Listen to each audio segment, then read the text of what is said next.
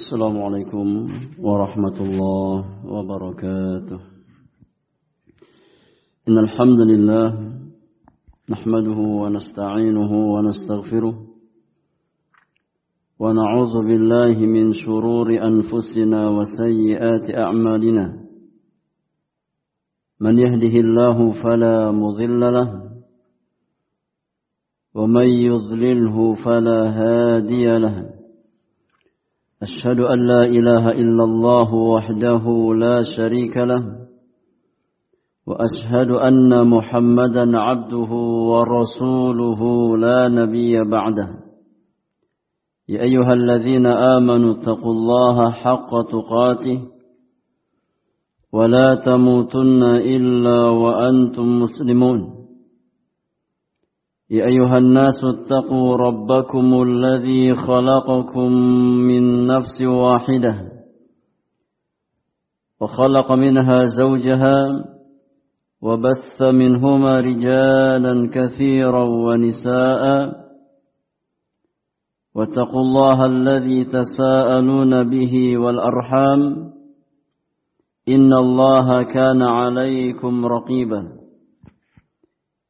يا أيها الذين آمنوا اتقوا الله وقولوا قولا سديدا يصلح لكم أعمالكم ويغفر لكم ذنوبكم ومن يطع الله ورسوله فقد فاز فوزا عظيما فإن أصدق الحديث كتاب الله وخير الهدي هدي نبينا محمد صلى الله عليه وسلم وشر الأمور محدثتها وكل محدثة بدعة وكل بدعة ضلالة وكل ضلالة في النار. أما بعد أخواتي في الله معاشر المسلمات rahimani wa rahimakunallahu ajma'in. Jemaah sekalian, kaum muslimat yang semoga dirahmati oleh Allah Subhanahu wa taala.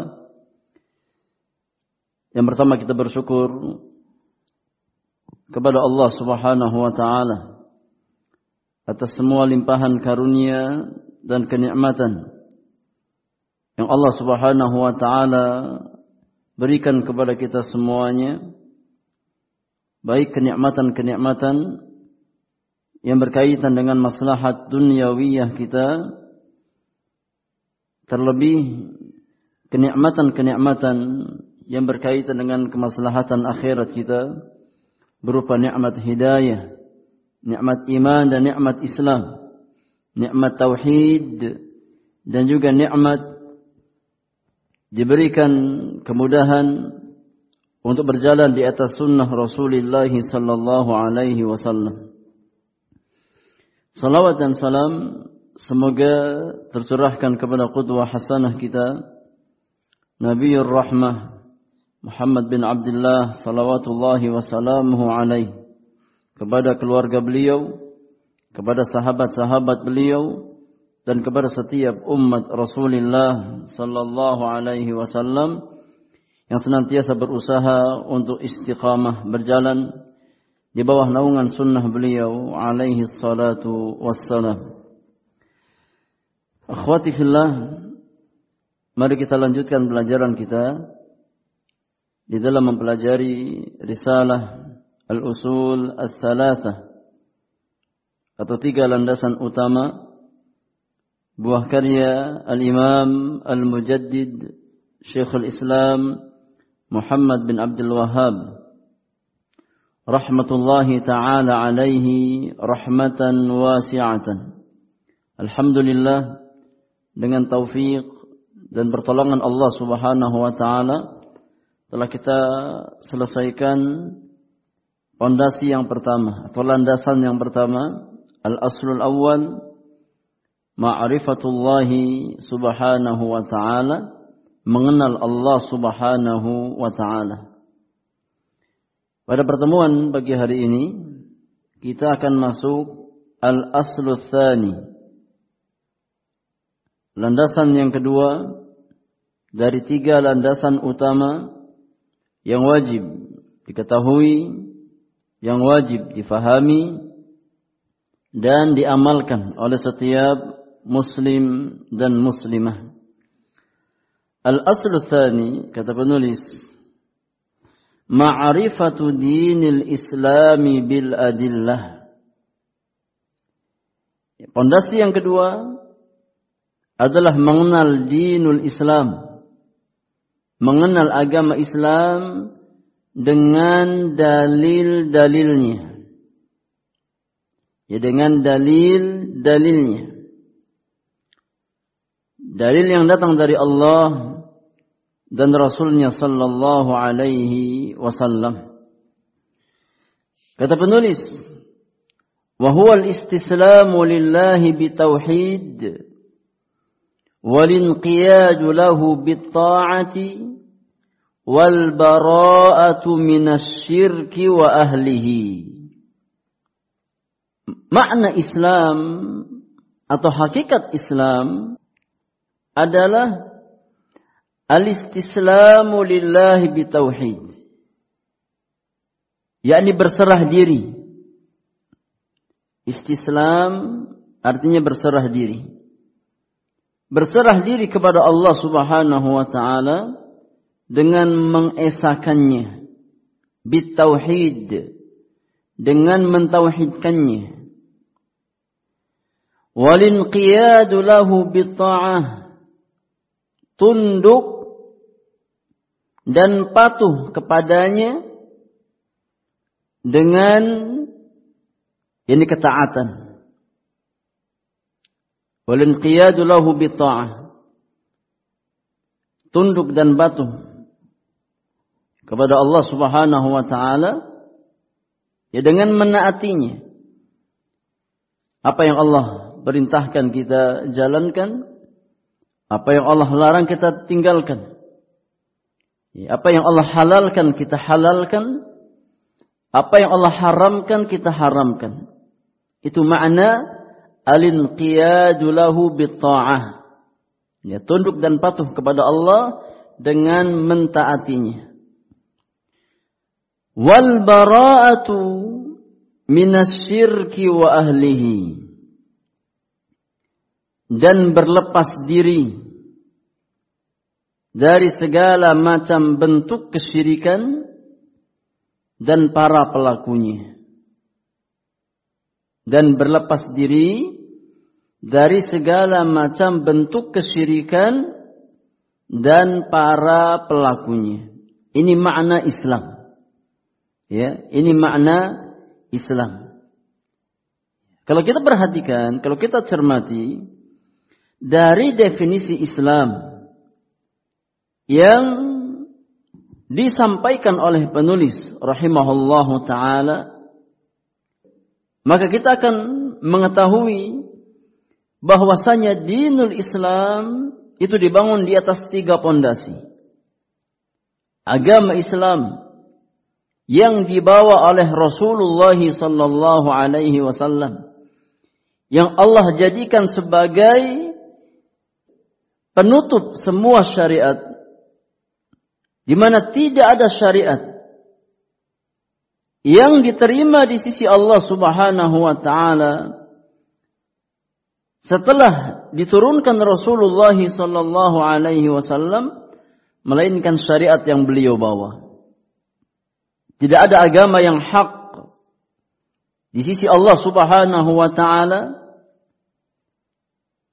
setelah diutusnya Muhammad bin Abdullah kecuali dinul Islam, agama Islam yang dibawa oleh Rasulullah sallallahu alaihi wasallam. Allah tabaraka wa taala berfirman di dalam surat Ali Imran ayat yang ke-19 yang artinya inna ad-dina 'indallahi al-islam inna ad-dina 'indallahi al-islam sesungguhnya agama Yang hak di sisi Allah Subhanahu wa taala hanyalah Islam. Sesungguhnya agama yang hak di sisi Allah Subhanahu wa taala hanyalah Islam. Ya, ini di antara dalil yang menunjukkan ya bahwasannya agama yang benar di sisi Allah Subhanahu wa taala setelah diutusnya Muhammad bin Abdullah hanyalah agama Islam yang beliau yang beliau bawa. Di ayat yang lain Allah Subhanahu wa taala berfirman di dalam surat Ali Imran ayat yang ke-85. Ali Imran ayat yang ke-85. Allah tabaraka wa taala berfirman ومن يبتغي غير الإسلام دينا فلن يقبل wa huwa fil akhirati minal khasirin. Yang artinya dan barang siapa yang mencari agama selain Islam dia tidak akan diterima. Dan di akhirat dia termasuk orang yang merugi. Dua ayat ini yakni Ali Imran ayat yang ke-19 dan Ali Imran ayat yang ke-85, ya, merupakan dalil yang sangat tegas tentang rusaknya pemikiran orang-orang liberal yang meyakini bahwasanya semua agama sama di hadapan Allah Subhanahu wa taala. Adapun orang-orang beriman, ya seorang muslim, seorang muslimah, seorang mukmin, seorang mukminah yang mengucapkan dua kalimat syahadat, asyhadu an la ilaha illallah wa asyhadu anna Muhammadan Rasulullah, maka dia meyakini bahwasannya agama yang hak di sisi Allah Subhanahu wa taala setelah diutusnya Nabi Muhammad hanya satu, itu agama yang beliau bawa, agama yang beliau dakwahkan kepada umat manusia. Ini keyakinan orang-orang yang beriman berdasarkan nas-nas Al-Qur'anul Karim dan juga sunnah Rasulullah sallallahu alaihi wasallam. Dalam sebuah hadis dengan sanad yang sahih Nabi yang mulia alaihi salatu wasalam pernah bersabda dalam hadis Muslim dari jalan Abu Hurairah radhiyallahu taala anhu Rasulullah sallallahu alaihi wasallam bersabda, "Walladzi nafsu Muhammadin biyadihi." Demi zat yang jiwa Muhammad berada di tangannya. Yakni demi Allah Subhanahu wa taala. Maknanya wallahi demi Allah la yasma'u bi ahadun min hadhihi al-ummah Yahudiyun wala Nasraniyun. Thumma yamutu wa lam yu'min billadhi ursiltu bihi illa kana min ashabin nar. Kata Nabi yang mulia demi Allah tidak ada seorang pun dari kalangan umat ini baik dia Yahudi ataupun dia Nasrani ataupun yang lainnya. Yang mendengar tentang diriku yang mendengar tentang syariatku yang mendengar tentang dakwahku kemudian dia mati dalam kondisi tidak mengimani apa yang aku bawa apa yang aku dakwahkan melainkan dia termasuk penghuni neraka di akhirat nanti. Ini sabda Rasulullah sallallahu alaihi wasallam. Ya, bahwasanya kewajiban umat manusia setelah diutusnya beliau adalah masuk ke dalam Islam. Ya, mengimani bahwasanya Muhammad adalah utusan Allah Subhanahu wa taala untuk seluruh umat manusia tanpa terkecuali. Ya, oleh karenanya tatkala seseorang dia mendengar tentang dakwah Rasulullah sallallahu alaihi wasallam, ya kemudian dia meninggal dunia dalam kondisi tidak mengimani apa yang Nabi dakwahkan, maka di akhirat dia termasuk penghuni neraka Allah wal billah. Ya, maka kita wajib mensyukuri nikmat hidayah, nikmat iman dan nikmat Islam tatkala Allah Subhanahu wa taala menjadikan kita ya sebagai seorang muslim dan seorang muslimah, seorang mukmin dan seorang mukminah. Ini di antara dalil menunjukkan bahwasannya dinul Islam, agama Islam adalah satu-satunya agama yang hak di sisi Allah Subhanahu wa taala. Tapi kita kembali ke penjelasan penulis tatkala beliau menjelaskan tentang makna Islam, tentang hakikat Islam, beliau menjelaskan bahwasannya agama Islam itu dibangun di atas tiga pondasi. Yang pertama adalah alistislamu lillahi bitauhid. Alistislamu lillahi bitauhid. Berserah diri kepada Allah Subhanahu wa taala ya dengan mengesahkannya. Maka hakikat Islam adalah istislam, seseorang berserah diri. Ya, maka makna muslim dan muslimah. Ya, kita muslim, kita muslimah. Maknanya apa? Maknanya kita menyerahkan diri kita kepada Allah Subhanahu wa taala. Tatkala kita mengaku sebagai seorang muslim, itu artinya kita siap untuk diatur oleh Allah Subhanahu wa taala. Karena itu makna Islam, al-istislamu lillah. Ya, kita menyerahkan jiwa dan raga kita untuk Allah Subhanahu wa taala. Dan kita siap diatur dengan aturan Allah Subhanahu wa taala. Ya, kita siap berjalan di atas syariat Allah Subhanahu wa taala. Itu makna Islam. Tatkala kita mengaku sebagai seorang muslim, sebagai seorang muslimah, apa maknanya? Maknanya kita yakni menyerahkan jiwa dan raga kita kepada Allah Subhanahu wa taala dan kita siap untuk berjalan di atas apa yang Allah Subhanahu wa taala syariatkan kepada kita. Dan ini di antara makna ya firman Allah Subhanahu wa taala qul inna salati wa nusuki wa mahyaya wa mamati lillahi rabbil alamin la syarika lahu wa bidzalika umirtu wa ana awwalul muslimin ini makna al-istislamu lillahi bitauhid. Ya. Dijelaskan di dalam Al-Qur'anul Karim. Di dalam surat Al-An'am ayat yang ke-162 163. Al-An'am 162 163. Allah Subhanahu wa taala berfirman, "Qul inna salati" Katakanlah wahai Muhammad, Sesungguhnya salatku wa nusuki ibadahku wa mahyaya wa mamati. Hidupku dan matiku.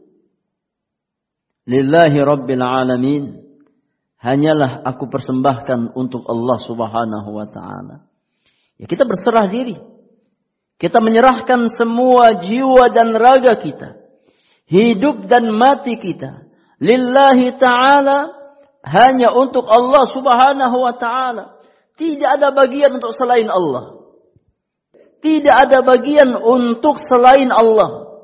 Semua ibadah kita, ya, semua yakni amalan kita hanya kita berikan kepada Rabbul Alamin, kepada Allah Subhanahu wa taala. La syarika lahu. Tidak ada sekutu baginya. Tidak ada syarikat bagi Allah Subhanahu wa taala yang kita berikan kepadanya ibadah kita, tidak boleh. Ya, semua amalan kita salat kita, sembelihan kita, puasa kita, sedekah kita, dan amal-amal yang lainnya wajib kita persembahkan hanya untuk Allah Subhanahu wa taala. La syarika lahu. Tidak ada syarikat bagi Allah Subhanahu wa taala. Tidak ada tandingan bagi Allah Subhanahu wa taala. Wa bidzalika umirtu dan demikianlah yang diperintahkan kepadaku. Apa perintah tersebut? Perintah untuk menyerahkan diri kepada Allah dan mentauhidkan Allah Subhanahu wa taala. Ya, al-istislamu lillahi bitauhid. Menyerahkan diri kita dengan mengesahkan Allah Subhanahu wa taala wa ana awwalul muslimin dan aku adalah orang yang pertama-tama berserah diri kepada Allah Subhanahu wa taala. Ya, orang yang pertama-tama muslim yakni berserah diri kepada Allah Subhanahu wa taala. Allah memerintahkan kita untuk salat, ya kita salat. Allah perintahkan kita untuk yakni berpuasa, kita berpuasa. Allah perintahkan kita untuk membayar zakat, kita membayar zakat. Allah perintahkan kita untuk memuliakan ya, yakni kedua orang tua kita, kita muliakan kedua orang tua kita. Allah perintahkan kita untuk memuliakan suami kita, kita muliakan suami-suami kita. Allah perintahkan kita untuk berbuat ya yang ma'ruf, kita berbuat yang ma'ruf. Allah melarang kita dari perbuatan ya maksiat, ya kita tinggalkan maksiat. Itu makna dan hakikat seorang muslim. Orang yang berserah diri kepada Allah Subhanahu wa taala yang siap ya untuk diatur dengan apa yang Allah Subhanahu wa taala syariatkan. Kemudian pondasi yang kedua kata para ulama bahwasannya agama Islam dibangun di atas al-inqiyadu lillahi taala bi Ya, dibangun di atas ketundukan kepada Allah Subhanahu wa taala dengan mentaatinya. Ya, al-inqiyad setelah kita berserah diri kepada Allah Subhanahu wa taala dan berusaha untuk mengesahkan Allah Subhanahu wa taala, mentauhidkan Allah Subhanahu wa taala, kita pun berusaha untuk mentaati Allah Subhanahu wa taala, tunduk dan patuh di bawah perintah dan larangan Allah Subhanahu wa taala. Apa yang Allah perintahkan kita jalankan, apa yang Allah larang maka kita jauhi dan kita tinggalkan. Itu hakikat muslim. Itu makna muslim. Dan ini pun ya sebagai makna takwa kepada Allah Subhanahu wa taala.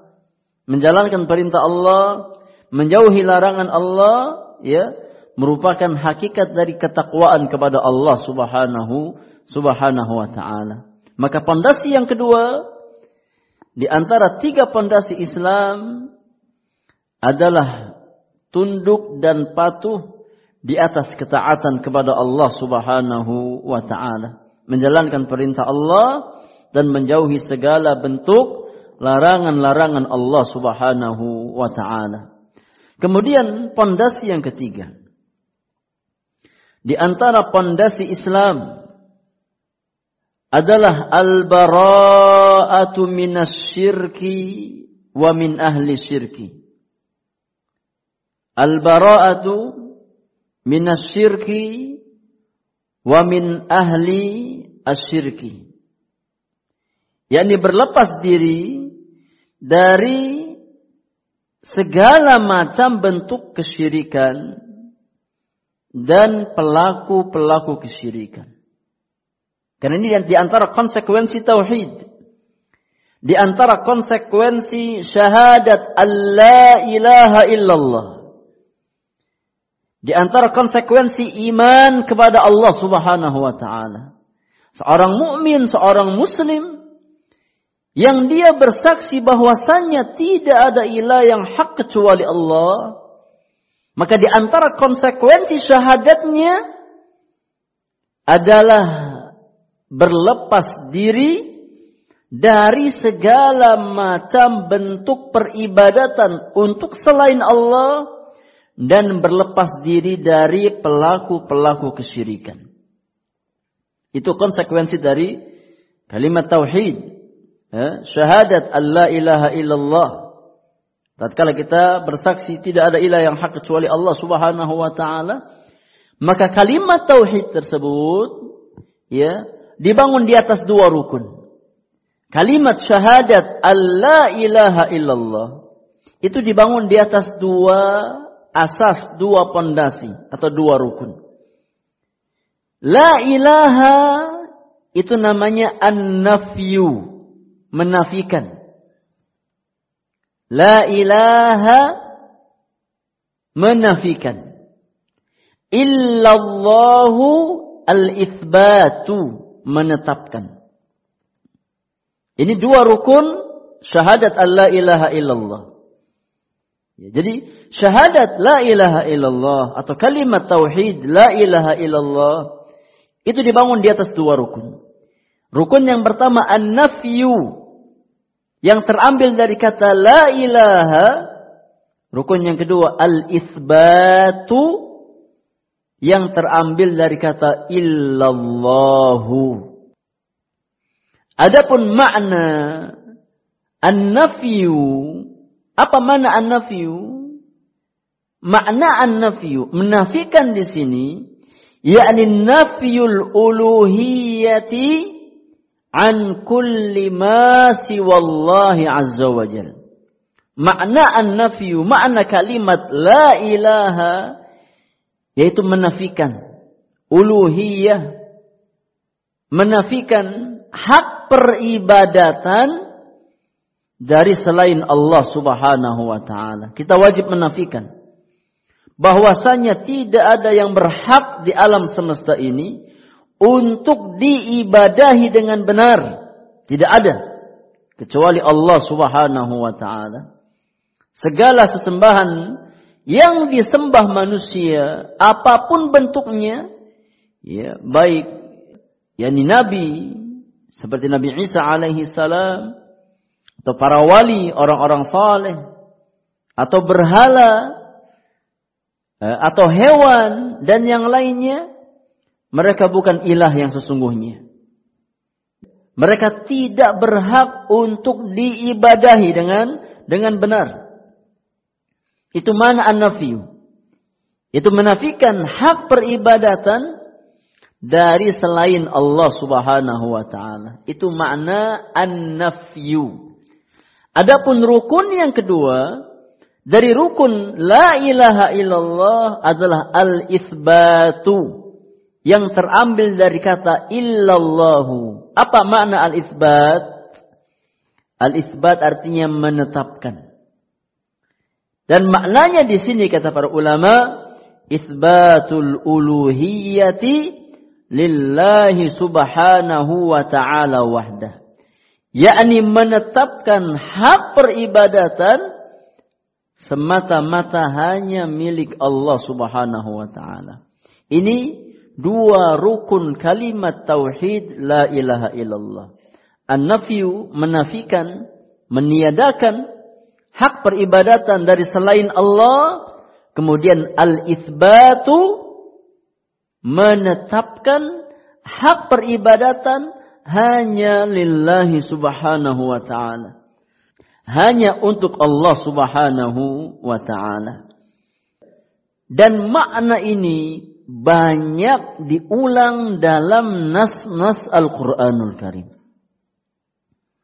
An-nafyu wal itsbat menafikan dan menetapkan banyak diulang-ulang dalam nas Al-Qur'anul Karim. Di antaranya apa yang Allah Subhanahu wa taala firmankan di dalam surat Az-Zukhruf ayat yang ke-26 dan 27. Az-Zukhruf ayat 26 dan 27. Allah Subhanahu wa taala berfirman Wa idh qala Ibrahim li abihi wa qaumihi innani bara'un mimma ta'budun illa alladhi fatarani fa innahu sayahdin dan ingatlah ketika Ibrahim berkata kepada ayahnya dan kaumnya yang mereka ini berbuat kesyirikan kepada Allah menyembah berhala-berhala mempersekutukan Allah Subhanahu wa taala. Ingatlah tatkala Ibrahim berkata kepada ayahnya dan kaumnya, "Innani bara'um mimma ta'budun." Sesungguhnya aku berlepas diri, bara, berlepas diri. Sesungguhnya aku berlepas diri dari apa yang kalian sembah. Dari berhala-berhala yang kalian sembah. Aku berlepas diri. Aku tidak mengimaninya. Aku mengkufurkannya. Ini makna dari kalimat la ilaha. Jadi ucapan Nabi Ibrahim ini tatkala beliau yakni berlepas diri dari segala sembahan yang disembah oleh ayahnya dan kaumnya merupakan hakikat dari makna kalimat la ilaha. Tidak ada ilah yang hak. Yang kalian sembah itu batil. Ilah-ilah yang batil. Sembahan-sembahan yang batil. Kemudian ucapan Nabi Ibrahim, illalladzi fatarani. Kecuali zat yang telah menciptakan diriku. Ah, ini namanya apa? Namanya al-ithbat. Illalladzi fatarani kecuali zat yang menciptakan diriku. Maksudnya siapa? Illallah, kecuali Allah Subhanahu wa taala. Fa innahu sayahdin. Dialah yang akan memberi petunjuk kepadaku. Ya. Maka hakikat la ilaha illallah adalah berlepas diri baraun dari segala macam bentuk kesyirikan. Ya dari segala macam bentuk sembahan-sembahan yang disembah selain Allah Subhanahu wa taala itu hakikat an-nafyu kemudian menetapkan sesembahan hanya untuk Allah Subhanahu wa taala menetapkan hakul ubudiyah menetapkan hak peribadatan hanya untuk Allah Subhanahu wa taala. Itu hakikat al-itsbatu ya yang merupakan makna dari kalimat illallahu. Maka la ilaha illallah mengandung an-nafyu dan al-itsbatu ya an-nafyu dan al-itsbatu. Wallahu alam. Jadi ini tiga pondasi Islam tiga pondasi Islam dari definisi yang dibawakan oleh penulis kita mengetahui Islam dibangun tiga pondasi, eh, dibangun di atas tiga pondasi. Yang pertama apa? Berserah diri kepada Allah dengan dengan tauhid, mengesahkan Allah Subhanahu wa taala. Yang kedua, tunduk dan patuh kepada Allah dengan mentaatinya. Al-inqiyadu lahu Yang ketiga, berlepas diri dari segala macam bentuk kesyirikan ya dan pelaku-pelakunya. Ini makna Islam. Ya, ini makna Islam.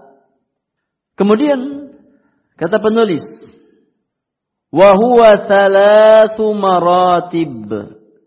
Dan dinul Islam itu memiliki tiga tingkatan. Ya, dinul Islam memiliki tiga maratib. Maratib jamak dari martabatun. Martabah artinya tingkatan. Martabah ini al-ula, al-martabah thaniyah, al-martabah thalitha. Ya tingkatan pertama, tingkatan kedua, tingkatan ketiga. Islam memiliki tiga tingkatan.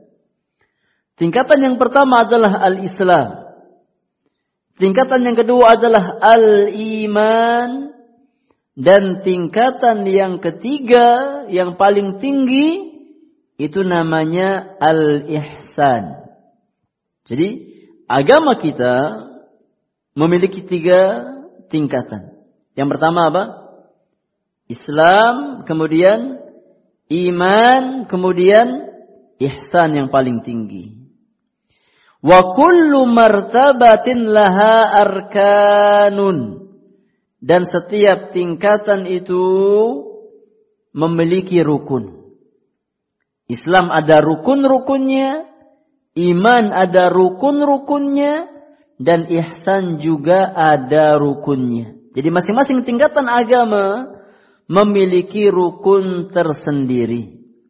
Memiliki rukun tersendiri. Ini makna perkataan penulis Wa kullu martabatin laha arkanun. Setiap tingkatan agama memiliki rukun-rukun tersendiri.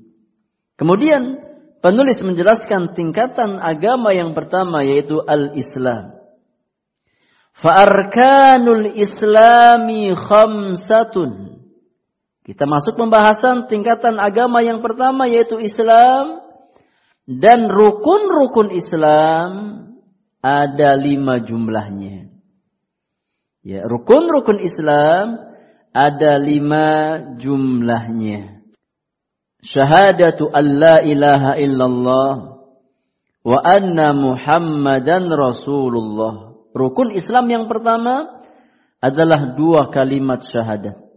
Ini rukun Islam yang pertama. Dua kalimat syahadat. Syahadat Allah ilaha illallah.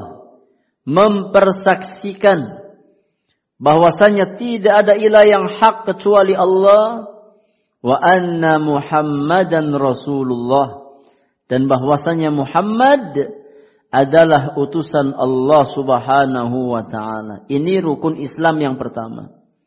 Ya, dua kalimat syahadat. Wa iqamus salati Kemudian rukun yang kedua adalah mendirikan salat. Mendirikan salat. Wa ita'uz zakati. Rukun Islam yang ketiga adalah menunaikan zakat.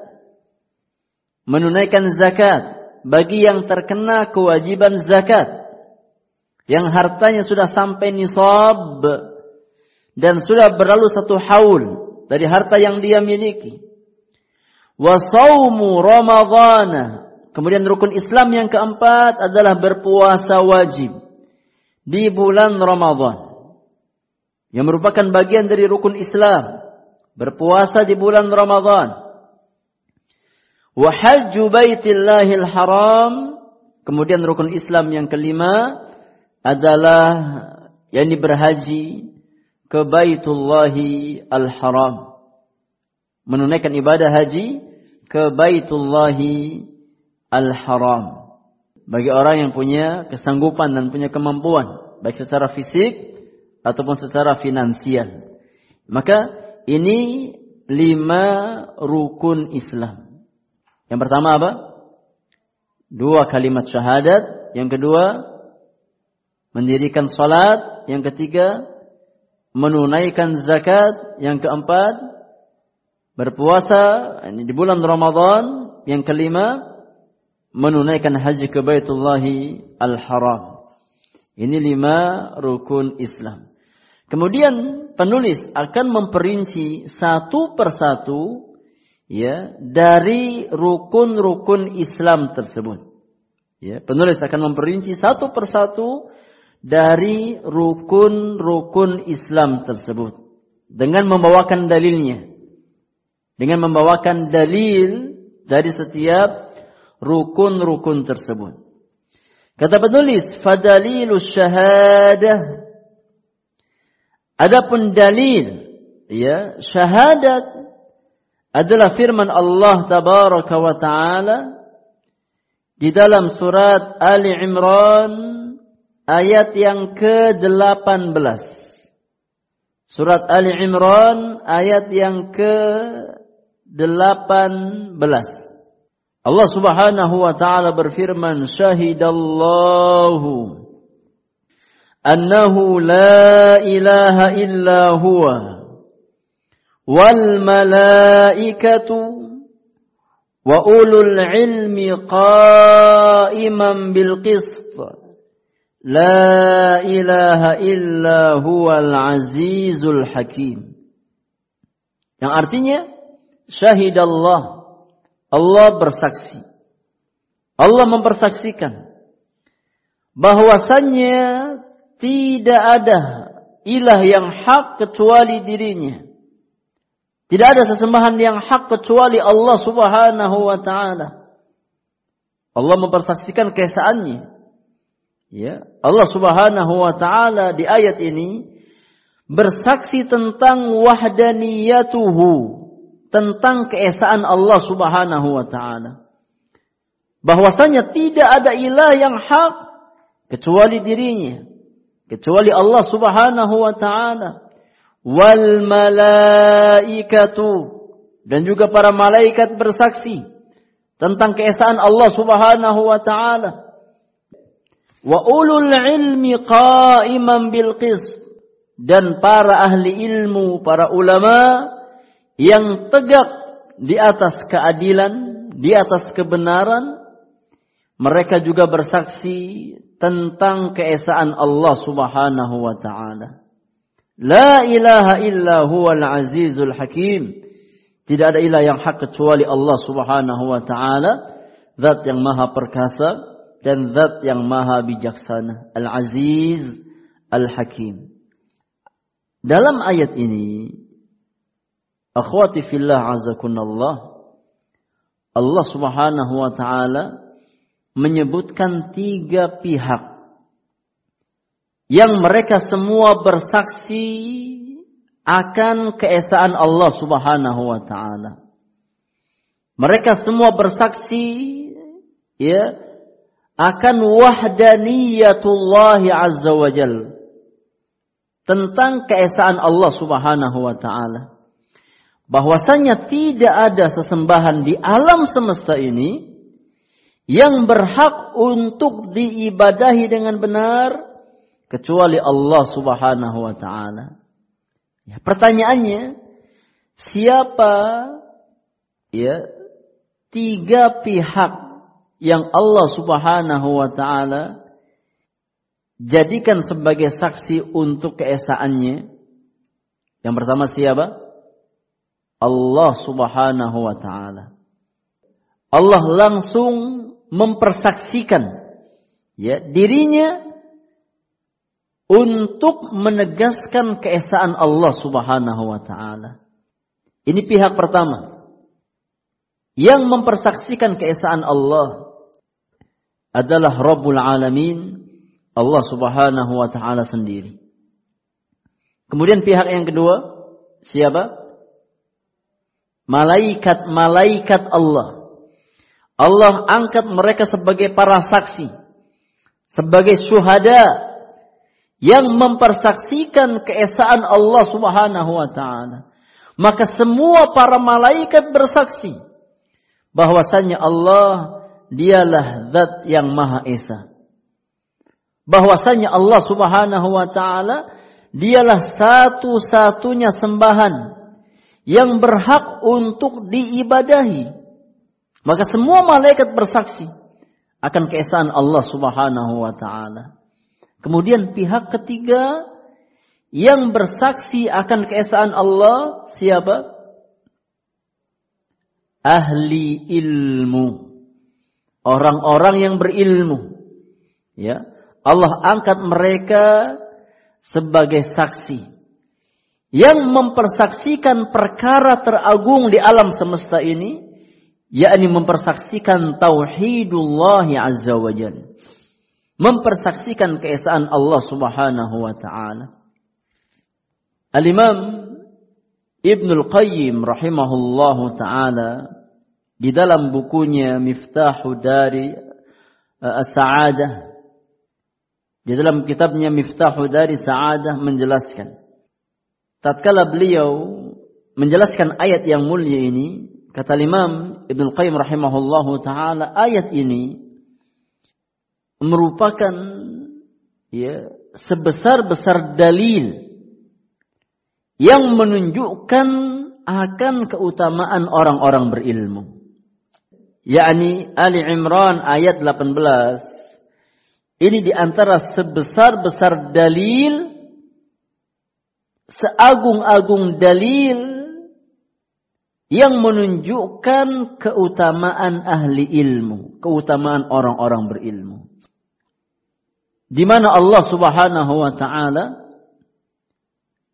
menggandengkan syahadatnya dan syahadat malaikat-malaikatnya dengan syahadat orang-orang berilmu. Allah jadikan para ulama, Allah jadikan orang-orang berilmu sebagai saksi untuk mempersaksikan kalimat yang paling agung yakni kalimat tauhid la ilaha illallah. Tidak ada ya yang sesuatu yang dipersaksikan. Yang lebih agung nilainya, yang lebih besar nilainya daripada mempersaksikan keesaan Allah Subhanahu wa taala. Dan di situ Allah hanya menyebut tiga saksi. Yang pertama dirinya sendiri, yang kedua malaikat-malaikatnya, yang ketiga orang-orang berilmu. Ya, maka ayat ini adalah dalil yang sangat besar yang menunjukkan keutamaan para ulama, keutamaan ahli ilmu. Di mana Allah Subhanahu wa taala menjadikan para ulama sebagai saksi yang mempersaksikan keesaan Allah Subhanahu wa taala. Dan ayat ini pun ya sebagai dalil yang menunjukkan bahwasanya para ulama adalah orang-orang yang adil. Para ulama yang rabbani adalah orang-orang yang adil, yang tegak di atas kebenaran. Ya, kenapa? Karena yang memilih mereka menjadi saksi adalah Allah Subhanahu wa taala. Dan saksi itu disyaratkan harus adil. Yang namanya saksi itu disyaratkan apa harus harus adil, bukan orang yang fasik. Harus adil. Kalau seandainya wali nikah atau yakni saksi nikah, afwan, kalau seandainya saksi nikah yang mempersaksikan akad nikah itu disyaratkan harus orang yang adil, nggak boleh orang fasik. Jadi saksi pernikahan. Ya. Apalagi yang dipersaksikan di sini adalah kalimat tauhid la ilaha illallah. Yang memilih adalah Allah Subhanahu wa taala. Maka tidak mungkin sembarangan. Tidak mungkin sembarangan. Ya, oleh karenanya ayat yang mulia ini juga sekaligus sebagai tazkiyah kata para ulama sebagai bentuk rekomendasi ya yang Allah berikan kepada para ulama bahwasanya mereka adalah orang-orang yang adil Ya, karena Allah mengangkat mereka menjadi saksi. Dan tidak mungkin Allah Subhanahu wa taala mengangkat ya untuk menjadi saksi melainkan hamba-hamba pilihan Allah Subhanahu wa taala. Kemudian uh, Fadilatul Syekh Muhammad bin Saleh Al-Utsaimin rahimahullahu taala berkata Kata Syekh Ibn Utsaimin rahimahullahu taala fi hadhihi al-ayati manqabatun 'azimatun li ahli al-'ilmi Kata Syekh Nuthaimin, dalam ayat yang mulia ini, terdapat keutamaan yang sangat besar bagi para ulama. Terdapat ya keutamaan yang sangat besar bagi ahli ilmu, bagi para ulama. Haitsu akhbarallahu annahum syuhada ma'ahu wa ma'al malaikati. Di mana? Allah Subhanahu wa taala mengabarkan di ayat tersebut bahwasanya para ulama mereka adalah para saksi yang mempersaksikan keesaan Allah Subhanahu wa taala dan Allah gandengkan para ulama ya dengan persaksian Allah dan persaksian malaikat-malaikatnya. Maka ini sebuah manqabah yang sangat agung, sebuah yakni kemuliaan yang sangat agung yang Allah berikan kepada apa para ahli ilmu, para ulama. Maka sungguh benar ya firman Allah Subhanahu wa taala di ayat yang lain, yarfa'illahu alladhina amanu walladzina utul ilma darajat. Allah akan mengangkat, Allah akan meninggikan derajat orang-orang beriman ya secara khusus orang-orang beriman yang berilmu, maka derajat mereka ya paling tinggi di antara hamba-hamba Allah Subhanahu Subhanahu wa taala. Kemudian akhwati fillah a'azzakunallahu ajma'in. Penulis berkata, kata Al-Imam Muhammad bin Abdul Wahhab rahimahullahu taala, wa ma'naha La ma'buda bihaqqin illallah. Dan makna syahadat la ilaha illallah apa maknanya? Maknanya adalah tidak ada sesembahan yang hak kecuali Allah Subhanahu wa taala. Ya. Makna la ilaha illallah itu berarti tidak ada sesembahan yang hak selain Allah. Ya bukan maknanya nggak ada sembahan selain Allah. Bukan maknanya tidak ada yakni Tuhan selain Allah. Ya karena sembahan selain Allah sangat banyak. Tuhan selain Allah sangat banyak. Ya ada orang yang menuhankan ya para nabi. Ada manusia yang menuhankan yakni berhala. Ada manusia yang menuhankan orang-orang soleh. Tapi semua yang disembah selain Allah adalah sembahan yang batin. Maka makna la ilaha illallah itu bukan maknanya tidak ada sembahan selain Allah. Bukan maknanya tidak ada Tuhan selain Allah. Ya, tapi maknanya ya adalah tidak ada sesembahan yang hak kecuali Allah. Tidak ada ilah yang hak kecuali Allah. Tidak ada Tuhan yang hak kecuali Allah Subhanahu wa taala. Karena sembahan yang lain banyak selain Allah. Tuhan-tuhan yang disembah selain Allah itu banyak. Tapi Tuhan yang hak, sembahan yang hak, ilah yang hak hanya satu. Dialah Allah Subhanahu wa taala. Ya, maka makna la ilaha illallah adalah la ma'budu bihaqqin illallah. Tidak ada sesembahan yang hak kecuali Allah Subhanahu wa taala. Dan ini juga dijelaskan dalam nas-nas Al-Qur'anul Karim. Bahwasanya makna syahadat la ilaha illallah itu la ma'budu bihaqqin illallah dijelaskan dalam banyak nas Al-Qur'anul Karim. Di antaranya adalah firman Allah Subhanahu wa taala di dalam surat Luqman ayat yang ke-30. Surat Luqman ayat yang ke-30. Allah Subhanahu wa taala berfirman, "Dzalika bi anna Allah huwal haqq wa anna ma yad'una min dunihi al-batil wa anna Allah huwal aliyyul kabir." Yang artinya kata Allah Subhanahu wa taala Demikianlah. Karena sesungguhnya Allah dialah ilah yang hak. Dialah Tuhan yang sebenarnya. Jadi satu-satunya Tuhan yang hak hanyalah Allah Subhanahu wa taala. Wa anna ma yad'una min dunihil batil. Dan apa saja yang mereka sembah selain Allah maka itu adalah sembahan-sembahan yang batil. Jadi manusia menyembah selain Allah. Ya. Namun kaidahnya segala sesuatu yang disembah selain Allah namanya sembahan yang batil. Namanya ilah yang batil. Tapi ilah yang hak hanya satu, dialah Rabbul Alamin, dialah Allah Subhanahu wa taala.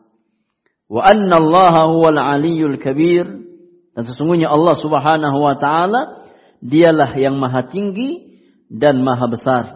Allah Subhanahu wa taala. Dalil yang lain Allah sebutkan dalam surat Al-Hajj ayat yang ke-62.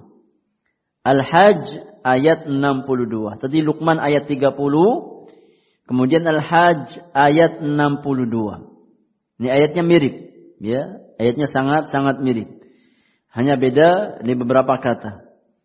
Allah Subhanahu wa taala berfirman di dalam surat Al-Hajj ayat yang ke-62, "Dzalika bi anna Allah huwal haqqu wa anna ma yad'una min dunihi huwal batilu wa anna Allah huwal aliyyul kabir.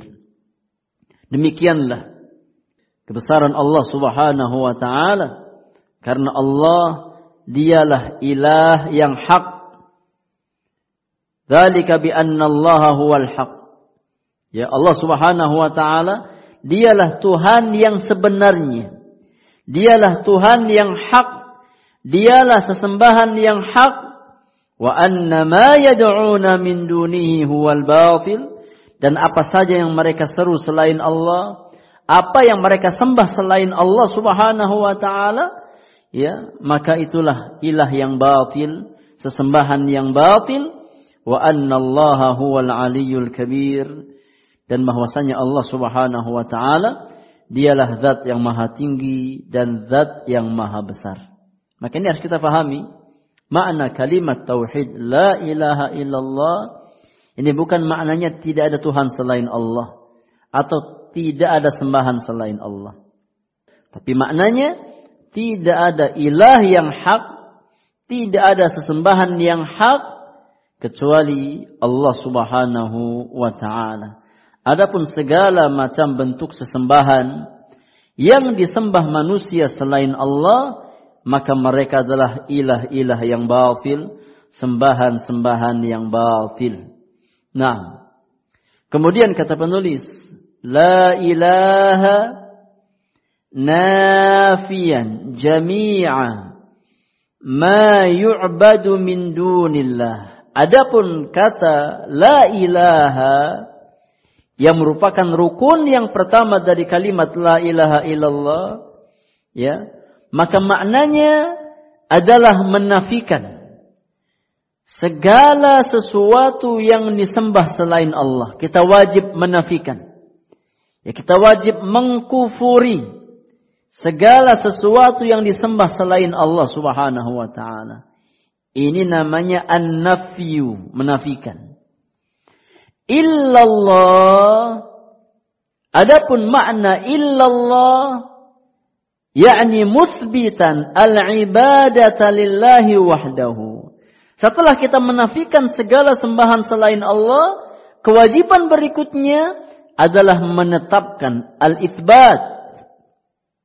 Menetapkan hak ibadah hak sesembahan hanya lillahi wahdah hanya untuk Allah Subhanahu wa taala semata. Ini an-nafyu dan al-itsbat. Kita meniadakan ya semua sembahan selain Allah Subhanahu wa taala, menafikan hak peribadatan dari selain Allah dan kita menetapkan hak tersebut hanya untuk Allah semata. La syarika lahu fi ibadatihi tidak ada ya serikat. Tidak ada tandingan bagi Allah dalam hal ibadah. Kama annahu la syarika lahu fi mulkihi. Sebagaimana tidak ada tandingan bagi Allah dalam kerajaannya, dalam kekuasaannya. Orang-orang beriman meyakini bahwasannya satu-satunya zat yang menguasai alam semesta yang menciptakan kita, yang mengatur urusan kita, itu hanya Allah Subhanahu wa taala. Ini namanya tauhid apa Ibu-ibu? Tauhid apa namanya? Meyakini ya hanya Allah yang menciptakan kita, yang mengatur semua urusan kita, yang memberikan rizki kepada kita namanya tauhid apa? Tauhid rububiyah. Sebagaimana kita meyakini tauhid rububiyah Allah Subhanahu wa taala, kita meyakini Allah yang memberikan rizki kepada kita. Kita meyakini Allah yang menciptakan kita. Kita meyakini Allah yang mengatur semua yang ada di alam semesta ini, ya. Maka tauhid rububiyah tersebut melazimkan kita untuk menegakkan tauhid uluhiyah. Tatkala kita meyakini hanya Allah yang mengatur alam semesta, ya, maka kita wajib meyakini hanya Allah yang berhak untuk kita ibadahi. Ya. Maka tauhid rububiyah kata para ulama melazimkan tauhid uluhiyah ya atas setiap setiap hamba. Kemudian wa tafsiruha alladhi yuwaddihuha qauluhu ta'ala. Penafsiran yang menjelaskan hakikat kalimat tauhid di atas, yakni an-nafi wal itsbat, menafikan dan menetapkan, ya, itu dijelaskan dalam nas-nas Al-Qur'anul Karim di antaranya di dalam firman Allah Subhanahu wa taala yang sudah kita baca tadi ya ini Az-Zukhruf ayat yang ke-26 sampai 28 Az-Zukhruf 26 sampai 28 Allah Subhanahu wa taala berfirman tentang Nabi Ibrahim alaihi salam. Ya bersama ayahnya bersama kaumnya. Allah tabaraka wa taala berfirman wa idz qala ibrahim li abihi wa qaumihi innani bara'um mimma ta'budun illa alladhi fatarani fa innahu sayahdin waja'alaha kalimatan baqiyatan fi 'aqibihi la'allahum yarji'un. Yang artinya dan ingatlah, ketika Nabi Ibrahim berkata kepada ayahnya dan kaumnya, yang mana mereka berbuat kesyirikan, menyembah berhala, ya, yang mereka yakini bisa mendatangkan manfaat dan mudarat bagi mereka. Maka Nabi Ibrahim berkata kepada kaumnya dan kepada ayahnya, Innani bara'um mimma ta'budun. Sesungguhnya aku berlepas diri dari apa yang kalian sembah selain Allah Subhanahu wa taala. Ya. Dari berhala-berhala yang kalian sembah, aku berlepas diri. Aku tidak mengimaninya. Ya, aku mengkufuri sembahan-sembahan kalian. Ini makna dari kalimat an-nafyu la ilaha. Berlepas diri dari semua sembahan selain Allah. Illa alladhi fatarani fa innahu sayahdin kecuali Allah yang menciptakan diriku kecuali Allah yang menciptakan diriku ya sungguh dia akan memberi petunjuk kepadaku dan ini makna dari kalimat al-itsbat ya setelah menafikan sembahan selain Allah maka Nabi Ibrahim ya menetapkan bahwasannya zat yang berhak untuk disembah hanya satu. Dialah Allah Subhanahu wa taala yang telah menciptakan diriku. Illalladzi fatarani. Kecuali Allah yang telah menciptakan diriku. Maka sungguh dialah yang akan memberikan ya aku petunjuk. Yang akan membimbingku di atas jalan hidayah, di atas jalan petunjuk. Waja'alaha kalimatan baqiyatan fi aqibihi la'allahum yarji'un. Ya. Dan Ibrahim menjadikan kalimat tauhid itu kalimat yang kekal pada keturunannya agar mereka kembali kepada kalimat tauhid itu. Yakni dakwahnya Nabi Ibrahim adalah mendakwahkan umat manusia kepada tauhidullah azza wajalla. Mengajak manusia untuk mengesahkan Allah semata. Ya. Oleh karenanya agama Nabi Ibrahim disebut apa? Akhwati fillah. Millahnya Nabi Ibrahim disebut dengan apa? Dengan al-hanifiyah, hanif. Ya. Millahnya Nabi Ibrahim disebut dengan Al-Hanifiyah, millah yang hanif. Apa makna millah yang hanif? Ajaran yang hanif. Ajaran yang hanif, yakni maknanya ya, ajaran yang condong kepada tauhid dan jauh dari kesyirikan kepada Allah Subhanahu wa taala. Ya. Millahnya Nabi Ibrahim adalah millah yang hanif. Yakni millah yang condong kepada tauhidullah azza wajal mengajak manusia untuk mengesahkan Allah Subhanahu wa taala dan berlepas diri dari segala macam bentuk kesyirikan kepada Allah Subhanahu wa taala. Dan millah inilah ya yang dilanjutkan oleh Nabi kita Muhammad sallallahu alaihi wasallam. Maka dakwah Nabi kita Muhammad itu sama seperti dakwahnya Nabi Ibrahim. Mengajak umat manusia untuk mengesahkan Allah Subhanahu wa taala dan berlepas diri dari segala macam bentuk kesyirikan kepada Allah Subhanahu wa taala. Itu yang disebut dengan agama yang hanif. Ya. Agama yang hanif adalah agama yang condong kepada tauhid dan jauh daripada kesyirikan kepada Allah Subhanahu wa taala.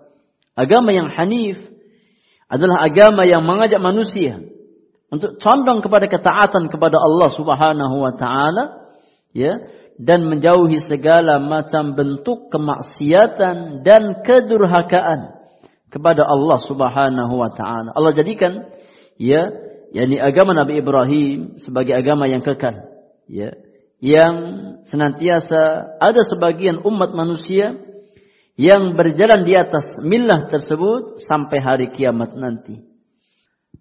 Kemudian kata penulis wa qauluhu ta'ala dalil yang lain yang menjelaskan tentang hakikat la ilaha illallah.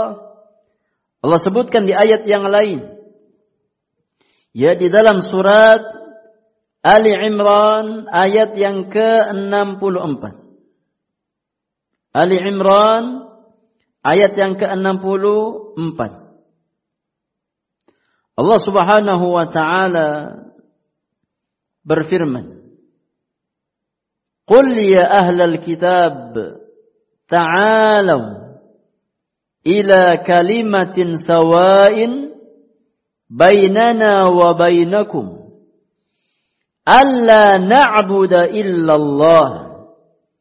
Wa la nusyrika bihi syai'a wa yattakhidha ba'duna ba'dhan arbaban min dunillah. Fa in tawallaw faqulu ashhadu bi anna muslimun. Ya. Yang artinya katakan wahai Muhammad wahai ahli kitab wahai ahli kitab yakni al-yahud wal nasara Wahai ahli kitab, ta'alau ila kalimatin sawa. Kemarilah. Ya, kita menuju pada satu kalimat yang sama bainana wa bainakum. Kemarilah kita menuju pada satu kalimat yang sama antara kami dan kamu. Antara kami dan kalian. Apa kalimat yang sama tersebut? Kalimat yang sama antara setiap orang-orang beriman yang menjadi tali orang-orang beriman. Allah na'budu illallah ya bahwa kita tidak menyembah selain Allah Subhanahu wa taala. Ini kalimat yang sawa, ini kalimat yang sama. Yang didakwahkan oleh semua nabi dan rasul.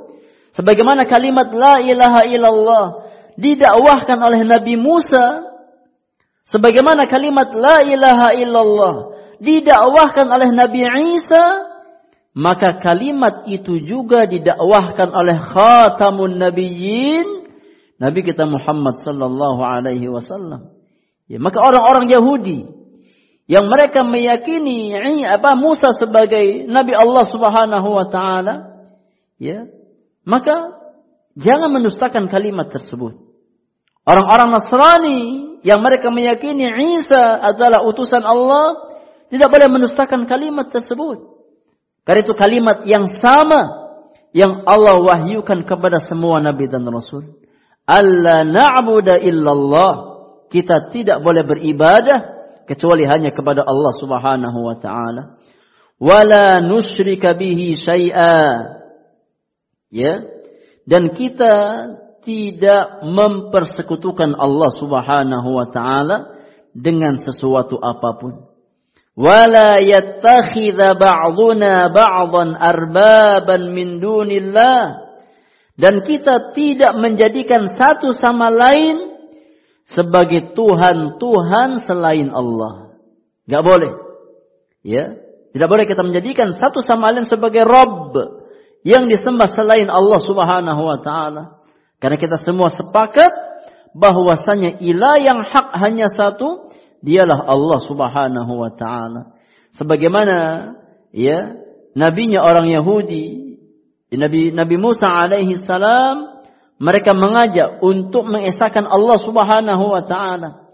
Sebagaimana rasulnya orang-orang Nasrani, Nabi Isa alaihi salam yang mereka mengajak umatnya untuk mengesahkan Allah Subhanahu wa taala, Demikian pula Nabi yang terakhir, Nabi Muhammad sallallahu alaihi wasallam, dakwahnya sama, ajakannya sama, seruannya sama dengan dakwahnya Nabi Musa dan Nabi Isa, yaitu untuk mengesahkan Allah Subhanahu wa taala semata.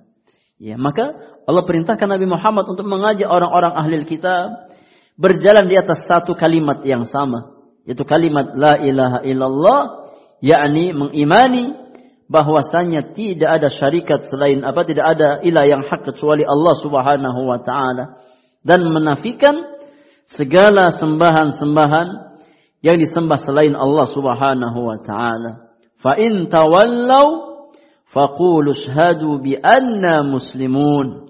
Jika mereka berpaling wahai Muhammad, maka katakanlah kepada mereka, saksikanlah bahwa kami adalah orang muslim yang berserah diri kepada Allah Subhanahu wa taala yang berjalan di atas tauhidullah azza wajal ya kami mengesahkan Allah Subhanahu wa taala. Kami hanya menyembah Allah Subhanahu wa taala dan kami ya berserah diri tunduk dan taat hanya untuk Allah Subhanahu wa taala ayat-ayat ini semuanya dalil yang menjelaskan ya bahwasanya kalimat la ilaha illallah atau syahadat la ilaha illallah itu dibangun di atas dua perkara. An-nafyu dan al-itsbat.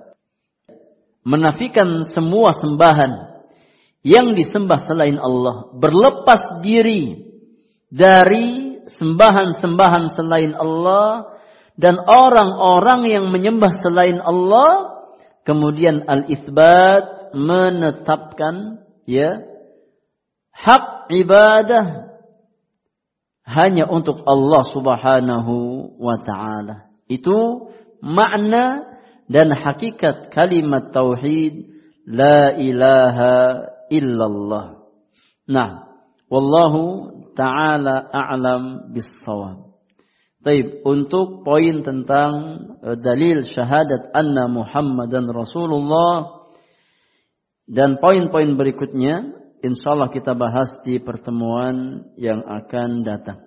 Ya, untuk materi kita cukupkan sampai di sini. Ya, sebelum kita uh, tasmi' hafalan yang baru, kita beri kesempatan kalau ada hal-hal yang ingin didiskusikan ya seputar apa yang kita bahas di kesempatan pagi hari ini kita beri kesempatan bersoal jawab atau berdiskusi ya terkait dengan materi yang kita bahas di pagi hari ini. Wallahu taala alam bissawab. Ada pertanyaan? Bentar Ustaz. Silakan. Tadi di uh, makna an-nafyu itu menafikan Ustaz. Nah. Bacanya seperti apa Ustaz? Gimana? Menetapkan. Ya. Al-isbatu. Mm -hmm. Tulisannya seperti apa? Al-isbat ya alif lam kemudian hamzah kasrah ya kemudian sa sa sa kemudian ba ya kemudian alif kemudian ta. Al isbatu alif lam kemudian hamzah kemudian sa sa setelah ta ya sa kemudian ba ada madnya ada alifnya di situ kemudian ta. Al isbatu al isbatu al isbatu nah al isbatu artinya menetapkan menetapkan ya hak peribadatan hanya untuk Allah Subhanahu wa taala semata. Baik Ustaz, syukran. Afwan. Ada yang lain? Sudah Ustaz. Baik, cukup ya? Cukup. Kalau cukup kita langsung tasmi' untuk hafalan pekan ini. Ya, tasmi' untuk hafalan pekan ini. Taib. Istami'na wa radidna ma'i. Dengarkan dan ikuti bersama-sama. Qala al-muallif rahimahullahu ta'ala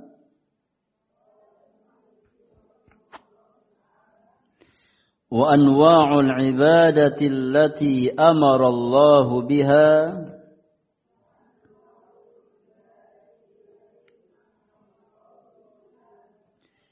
مثل الإسلام والإيمان والإحسان.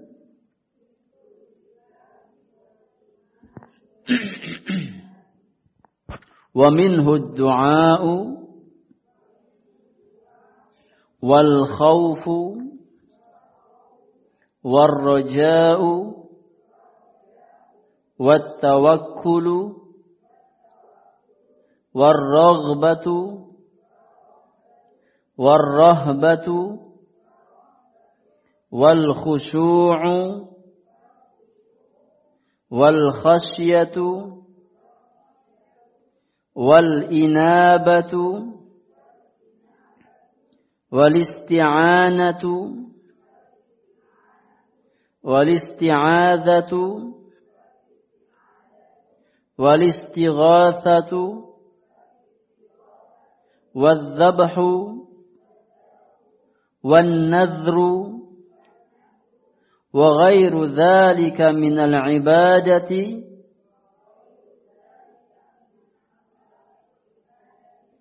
التي أمر الله بها كلها لله تعالى. والدليل قوله تعالى وأن المساجد لله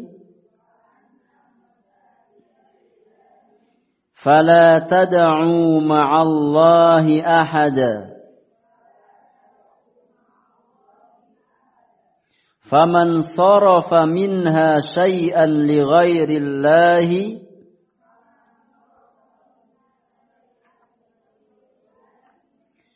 fahuwa musyrikun kafirun.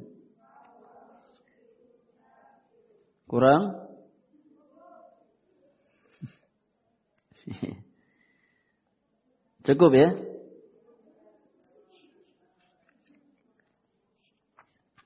Iya nggak apa-apa agak panjang dikit. Biar cepat selesai. Iya, biar ngejar materi, betul. Perlu tambah lagi nggak? Cukup.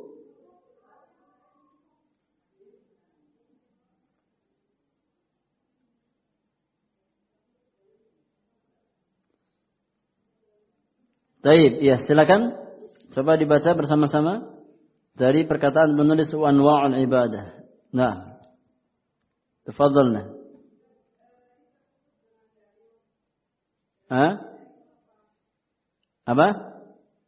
Terput, terhalang dengan dalil yang beda tadi setelah ayat, dalil kemudian putus ya. Atau yang pas Ada faman sarafa minha syai'an faman sarafa minha syai'an li ghairillah fahuwa musyrikun kafirun. Ada nggak di situ?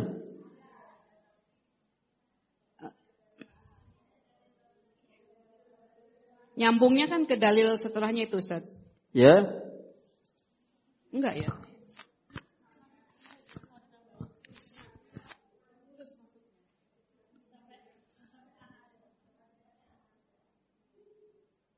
Terlalu pendek, Mbak. Kurang maksudnya kurang panjang.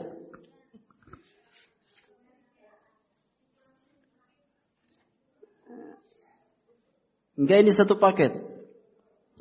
Satu paket dalilnya beda kan? Iya, ini satu paket.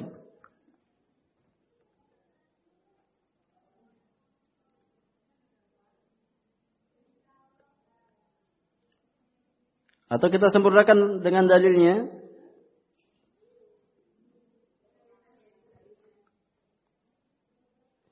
Ya kalau enggak ini apa eh, masuk ke poin berikutnya aja tentang doa. Ya, tentang doa. Kita cukup sampai di sini aja untuk untuk hafalan pekan ini. Sampai perkataan bahwa musyrikun kafir. Ustadz Afwan yang setelah wal wal ihsani itu wa minha atau wa minhu ya Ustadz. Kalau di buku kecil wa minhu, khawatirnya salah ini. Ada yang apa wa minha di situ? Ya kalau di kitab ana wa minhu. Ya wa minhu du'a'u wal khawfu. Jadi boleh eh, maksudnya sama aja ya Ustadz. Boleh, iya. Oh iya. Kalau yang ada wa minha di situ enggak apa-apa, wa minhu enggak apa-apa. Iya, syukran Ustadz. Afwan. Wa minhu ad-du'a. Afwan Ustadz untuk hunya itu kembalinya kan ke al-ibadah ya? Iya, kalau wa minhu Atau ke anwa'ul? eh, wa minhu, kalau wa minhu di sini eh, kembalinya Anwa'ul bisa ke apa? Eh, al-Islam. Mithlu al-Islam wal iman wal ihsan wa minhu. Ya ad-du'a wal khauf iya Atau mungkin wa minha juga boleh nanti kembalinya ke anwa'ul ibadah iya, ke macam-macam ibadahnya itu betul kan Ustadz ya? nah wa minha ini kembali ke anwa'ul ibadah Jadi ke minha saja Ustadz bacanya. Taib, ya kita sepakat aja. Berarti untuk ini wa minha saja, ya. Wa minha ad-du'a'u wal khawfu war raja. Ini macam-macam ibadah ya. Iya. Jadi Ya, jadi kita sepakat untuk uh, domirnya kita ganti ha wa minha ya untuk disir, uh, apa agar agar seragam untuk setaranya. Berarti kita pakainya wa minha saja. iya baik. Iya. Afwan. Ya yang wa minhu mungkin bisa diganti wa minha. Ini kembalinya ke anwa'ul ibadah, macam-macam ibadah. Karena itu muannas, ya. Itu muannas. Tapi eh, silakan dibaca Ibu-ibu. Eh, untuk tasmi' pekan ini dari perkataan wa anwa'ul ibadah. Nah, tafadhalna. Qala al-muallif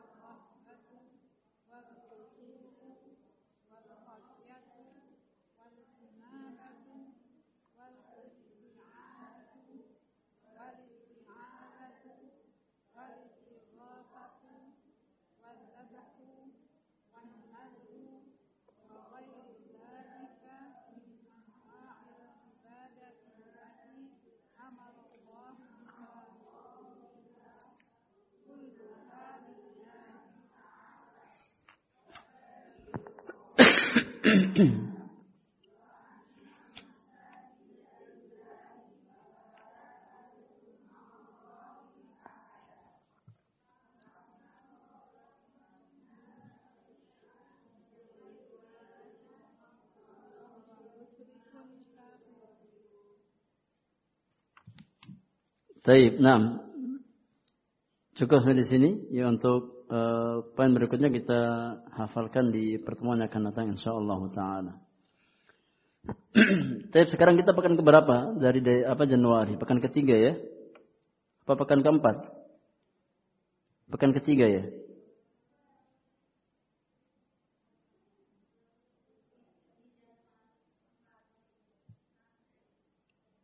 Pekan ketiga ya?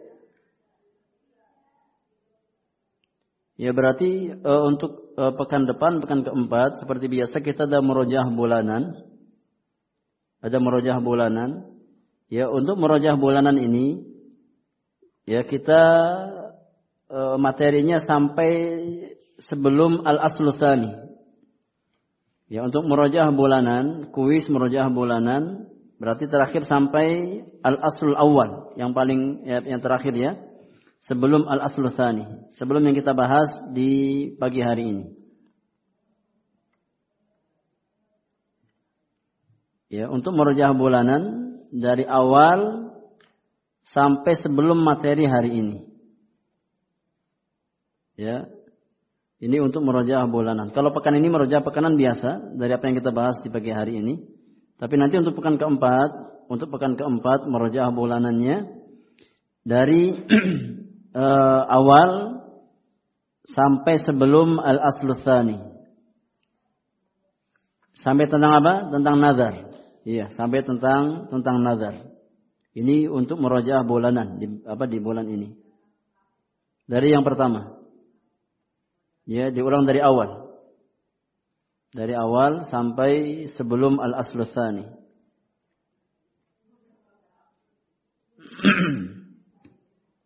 Ya diulang lagi, dibaca lagi, didengar lagi rekamannya. Ya biar semakin kokoh, semakin kuat ilmu yang kita yang kita pelajari. Tapi cukup ya Ibu ya. Taib. Barakallahu fikuna ajma'in. Wa sallallahu ala nabiyyina Muhammadin wa alihi wa sahbihi ajma'in.